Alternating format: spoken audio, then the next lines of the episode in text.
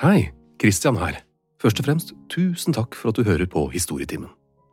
Det å lage disse episodene tar veldig mye tid, og hittil så har jeg jo bare kunnet gjøre dette her på fritiden og i helger og på kvelder. Og da blir det jo ikke så mange episoder i året. Men hvis jeg kunne gjort det på dagtid, da kunne det plutselig blitt en god del flere. Men det er jo avhengig av støtte, så derfor lurer jeg på følgende. Kunne du vært interessert i å betale en liten sum for å høre på Historietimen? La oss si 29 kroner i måneden, eller 49 kroner i måneden, eller ja.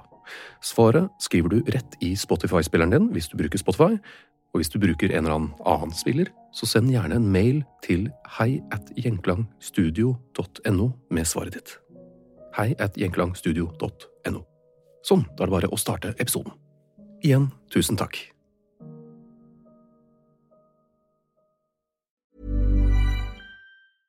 Hey, I'm Ryan Reynolds. At Mint Mobile, we like to do the opposite of what Big Wireless does. They charge you a lot, we charge you a little. So naturally, when they announced they'd be raising their prices due to inflation, we decided to deflate our prices due to not hating you. That's right. We're cutting the price of Mint Unlimited from $30 a month to just $15 a month. Give it a try at mintmobile.com slash switch. $45 upfront for three months plus taxes and fees. Promo rate for new customers for limited time. Unlimited more than 40 gigabytes per month. Slows. Full terms at mintmobile.com. Hey, it's Danny Pellegrino from Everything Iconic. Ready to upgrade your style game without blowing your budget? Check out Quince. They've got all the good stuff shirts and polos, activewear, and fine leather goods, all at 50 to 80% less than other high end brands. And the best part? They're all about safe, ethical, and responsible manufacturing. Get that luxury vibe without the luxury price tag. Hit up quince.com slash upgrade for free shipping and 365 day returns on your next order. That's quince.com slash upgrade. Millions of people have lost weight with personalized plans from Noom, like Evan, who can't stand salads and still lost 50 pounds. Salads, generally, for most people, are the easy button, right? For me, that wasn't an option. I never really was a salad guy. That's just not who I am. But Noom worked for me. Get your personalized plan today at Noom.com. Real Noom user compensated to provide their story. In four weeks, the typical Noom user can expect to lose one to two pounds per week. Individual results may vary.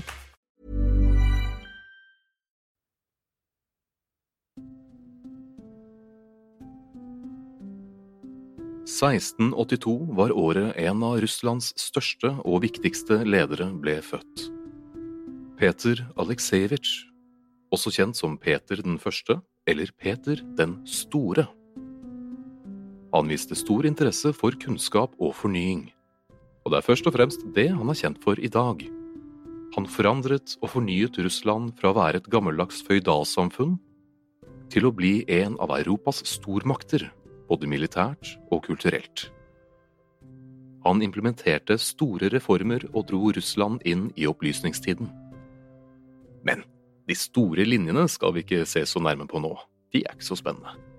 Vi skal heller ta en nærmere titt på hans, eh, ja, eksentriske særegenheter.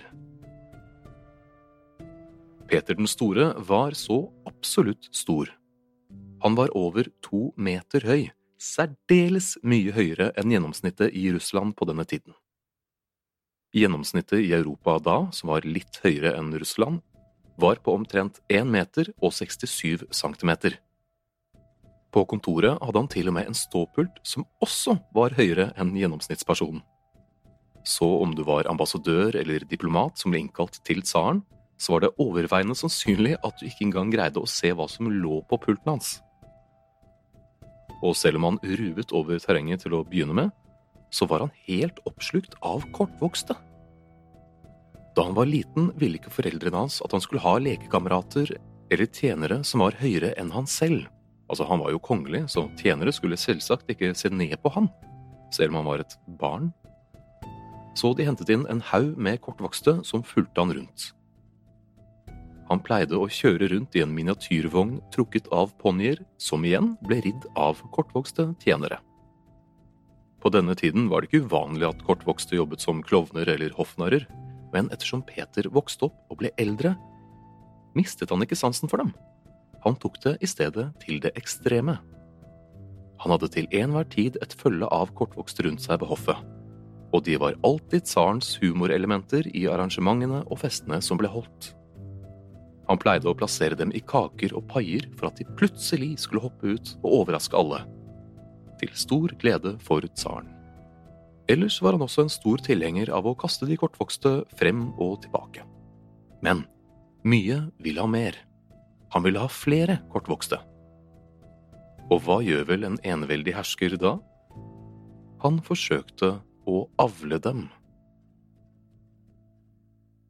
I 1710 arrangerte han derfor et overstadig bryllup for sin yndlingshoffnarr Jakim Volkov. Han ville at det skulle være et ekstravagant kjempearrangement, så alle kortvokste i landet fikk streng beskjed om å komme. Nå endte bare 70 med å dukke opp, men det er imponerende med tanke på infrastruktur og hva de kunne forvente seg av nedverdigelse. Tsaren kledde alle 70 opp i dyre, gullbroderte, fasjonable klær. Nyeste mote importert fra Vest-Europa. Ballsalen var gjort om til en miniatyrversjon av sånn den pleide å være, med mindre bord og stoler, små porselenmarsjetter, mindre alt. De tilkomne og miniatyrmøblene ble plassert i midten av rommet, og så skjenket sønder og sammen av Peter og co og langs veggene rundt miniatyrsalen satt Peter Schwoff og venner og så på mens de lo og storkoste seg. De lo så de grein av de kanonfulle kortvokstes klumsete forsøk på dans og bryllupsdans. At de sjanglet bortover, snublet og krasjet i hverandre, og av neveslagsmålene som fulgte. Hyggelige tider, dette. Det at han likte en skikkelig fest, skinner vel gjennom her. Han likte generelt å drikke. Da han var 18, grunnla han en klubb som først het The Jolly Company, men som senere skiftet navn til det litt lengre The All Joking, All Drunken Synod of Fools and Gestures. Gjennom årene hadde klubben mellom 80 og 200 medlemmer. Etter hvert inkluderte den alle maktmennesker i tsarens regjering, også flere geistlige. I klubben gikk det for det meste i drikking, practical jokes og generell rølping. De likte å kle seg ut og reise rundt på landsbygda og skremme eller lure folk. Gjerne late som at de ikke hadde husly, og så, etter at de hadde fått innpass hos en lokal adelsmann, drakk de alt de kom over. De hadde også flere liksomslag hvor de spilte ut kjente historiske kamper. Møkk dritings, og ikke alltid uten skader eller dødsfall. Klubben hadde mange ritualer, og samtlige involverte tung alkoholføring. Medlemmene hadde også kallenavn, som Den polske prinsen, Prinse-Cæsar og Prinsepaven. Prinsepaven var klubbens tullepave og ledet mange av ritualene og seremoniene sammen med en tullebiskop. Gjerne egne versjoner av tradisjonelle russisk-ortodokse seremonier, bare at de f.eks. byttet ut vann med vin. Fest og lettkledde damer. Alt for å gjøre narr av kirken og de geistlige. Dette var ikke særlig populært hos den ortodokse kirke. Såpass lite populært at tsaren ble kalt antikrist. Men etter at han fortalte biskopene at det selvsagt ikke var den russisk-ortodokse kirke han gjorde narr av, men den katolske kirke, så brydde de seg ikke like mye lenger.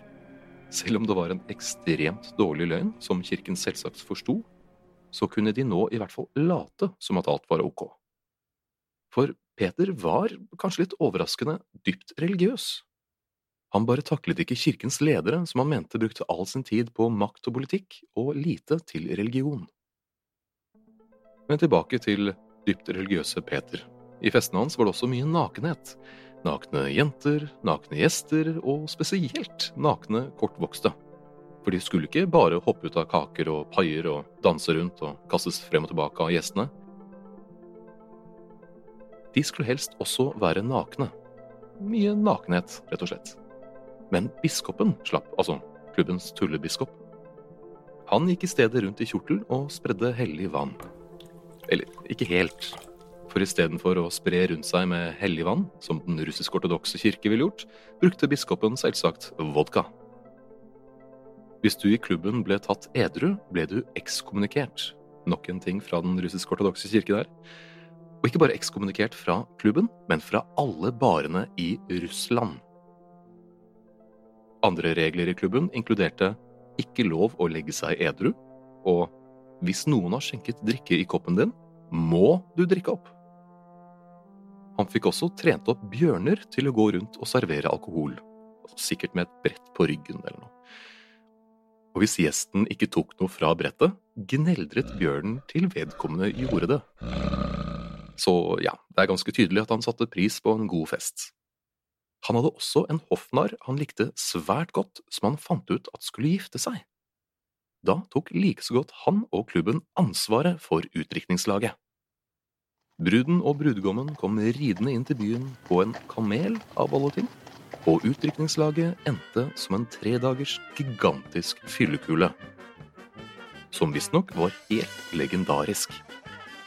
Det kunne selvsagt ha endt bedre da brudgommen døde dag to, men festen holdt det gående en dag til. De hadde prioriteringene sine i orden, i hvert fall. Selv om han var godt over gjennomsnittlig interessert i drikking og fyll og fanteri, ønsket han ikke at anstendige europeere på besøk til Russland skulle se døddrukne bønder liggende henslengt overalt. Så han utformet en ny lov, som selvsagt ikke inkluderte medlemmene av klubben. Hvis du ble funnet på gaten og var fullstendig døddrukken, så fikk du en stjerneformet medalje. Se for deg en sheriffstjerne fra Ville Vesten. Baksiden av medaljen var at den var av jern og veide åtte kilo, og at det sto for alkoholisme på den. Man måtte gå med den i en uke, men siden det ikke inkluderte noen bøter, så brydde ikke folk seg nevnverdig. Samtidig så utformet han også lover som at en kone kunne bli pisket eller slått for å forsøke å få sin mann hjem fra puben før han var ferdig med å drikke. Så alt i alt ganske forvirrende alkohollovgivning. Også med tanke på at tilreisende diplomater og ambassadører av høflighetshensyn måtte drikke sammen med tsaren. Han var jo en stor kar, og han hadde en veldig stor kopp, kalt Den store ørnekoppen. Selv om det nok er mer korrekt å kalle det en mugge, vase eller bøtte. Den rommet en og en halv liter, og den ble selvsagt fylt med vodka. Tsaren styrtet visst en gang 1,2 liter på én gang, så stakkars de tilreisende som måtte være med. Tsaren reiste på flere lange turer til Vest-Europa for å knytte diplomatiske bånd og se hvordan landene i vest gjorde ting. Etter å ha sett Venezia og Amsterdam ble han overbevist om at Russland også trengte en flott by med kanaler. Så han så seg ut et område dekket av våtmark og myrer som var generelt umulig å bygge noe på, og grunnla St. Petersburg. Dette skulle bli en europeisk by, tenkte tsaren, og det ble jo for all del det. Men over 1000 arbeidere døde under arbeidet. Etter en av de mange inspirasjonsturene hans kom han tilbake med en ny overbevisning. Til hans hjemkomst hadde folk satt i stand en kjempemottagelse, og han gikk opp og holdt en tale.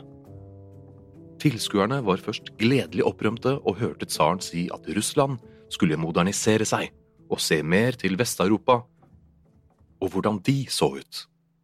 Talen fikk publikum til å juble, inntil de plutselig ble tause og hvite i ansiktet, da tsaren plutselig tok fram en svær barberhøvel.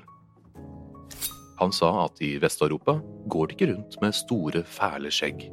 De er glattbarberte med bart. Og så begynte han å barbere de skrekkslagne tilskuerne. Han innførte så en skjeggskatt. Hadde du skjegg, måtte du betale en særegen skjeggskatt. Og etter at det var registrert at du hadde betalt denne skatten, fikk du en mynt med et bilde av et skjegg på. Hvis du gikk på gata og ble stoppet av skjeggpolitiet, som var en ting, og hadde glemt mynten i en annen jakke, synd for deg, skjeggpolitiet gikk nemlig rundt med saks og barberhøvel. Etter hvert begynte folk faktisk å betale seg ut av barberingen, Skjegg hadde jo en rimelig stor kulturell posisjon i Russland, spesielt blant de geistlige og de sterkt troende russisk-ortodokse. Dette frustrerte tsaren, for det han egentlig ville, var jo å ha et skjeggløst, moderne samfunn, han brydde seg egentlig ikke om skatten. Så da gjorde han det bare ulovlig å ha skjegg. Utenom biskoper og prester, da, de fikk beholde det, ellers hadde det sikkert blitt en borgerkrig. Dette var jo en rimelig religiøs tid. Men han stoppet ikke med skjegg, han lovpåla også bruk av bukser. En annen ting han gjorde, var å sende Russland 5000 år tilbake i tid, på sett og vis. På denne tiden baserte ikke Russland seg på år før og etter Kristus, som Vest-Europa. De startet tellingen 5000 år før. Så etter en av reisene sine kom han tilbake til Russland i år 7206, som det var der, og sa nei. Nå er det 1706 nå. Det er sånn de kule gjør det i Europa, og så gjør det ting mer praktisk for meg. For han var faktisk ganske praktisk anlagt av seg, eller i hvert fall for en eneveldig hersker å være. Han er kjent for moderniseringen av Russland og reformene han gjennomførte, blant annet byggingen av landets første ordentlige marine. Han tok flere lengre reiser til ulike vesteuropeiske land for å lære og få inspirasjon, som regel under et pseudonym. Og det var under en av disse turene at han fikk sansen for båtbygging. Han tok seg dermed et friår, eller 18 måneder, hvor han blant annet jobbet som båtbygger i fire måneder i Amsterdam. Der fyrte han sitt eget bål, lagde sin egen mat, og nektet å svare folk med mindre de titulerte han som båtbygger Peter. Alle skjønte jo hvem han var. Han var jo gigantisk og hadde et dårlig skjult reisefølge på 250 mann, som hang i bakgrunnen. Men myndighetene der lot han leke et vanlig menneske. Når han var i Russland, likte han også å kle seg ut som en boms med lut rygg og gå rundt og høre på hva folk egentlig sa om han. Tsaren likte altså å være hands on. Snekring, båtbygging og halshugging. På denne tiden var det selvsagt ikke uvanlig at folk mistet hodet i ny og ne. Forskjellen var bare at Peter likte å gjøre det selv. Han fant det fascinerende og var veldig glad i anatomi. Og generelt å kutte av andres hoder. Etter å ha offentlig fått kuttet av hodet til sin tidligere elskerinne, holdt han et impromptu foredrag til publikum om muskler og ben i hals- og nakkeregionen. Mens han holdt oppe det avkuttede hodet hennes og pekte på de aktuelle scenene og musklene. Til slutt ga han den livløse munnen hennes et kyss og kastet vekk hodet. 8. februar 1725, i en alder av 52, sovner tsaren inn. Han hadde i de siste årene av sitt liv slitt med helsen. Rett før han døde, forsøkte han å skrive et testamente. Han rakk å skrive Etterlat alt til Men ikke noe navn.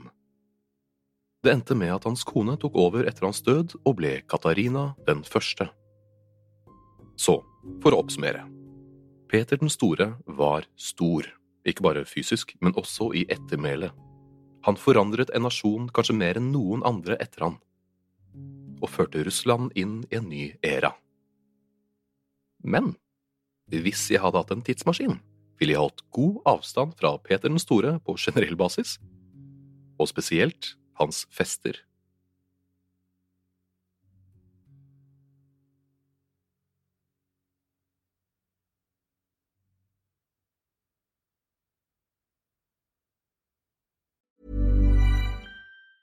Hey, it's Danny Pellegrino from Everything Iconic. Ready to upgrade your style game without blowing your budget? Check out Quince. They've got all the good stuff shirts and polos, activewear, and fine leather goods, all at 50 to 80% less than other high end brands. And the best part? They're all about safe, ethical, and responsible manufacturing. Get that luxury vibe without the luxury price tag. Hit up quince.com slash upgrade for free shipping and 365 day returns on your next order. That's quince.com slash upgrade. Ever catch yourself eating the same flavorless dinner three days in a row? Dreaming of something better? Well, HelloFresh is your guilt free dream come true, baby. It's me, Kiki Palmer. Let's wake up those taste buds with hot, juicy pecan crusted chicken or garlic butter shrimp scampi. Mm. Hello Fresh. Stop dreaming of all the delicious possibilities and dig in at HelloFresh.com. Let's get this dinner party started. Planning for your next trip? Elevate your travel style with Quince. Quince has all the jet setting essentials you'll want for your next getaway, like European linen, premium luggage options, buttery soft Italian leather bags, and so much more. And is all priced at 50 to 80% less than similar brands. Plus, Quince only works with factories that use safe and ethical manufacturing practices. Pack your bags with high-quality essentials you'll be wearing for vacations to come with Quince. Go to quince.com slash pack for free shipping and 365-day returns.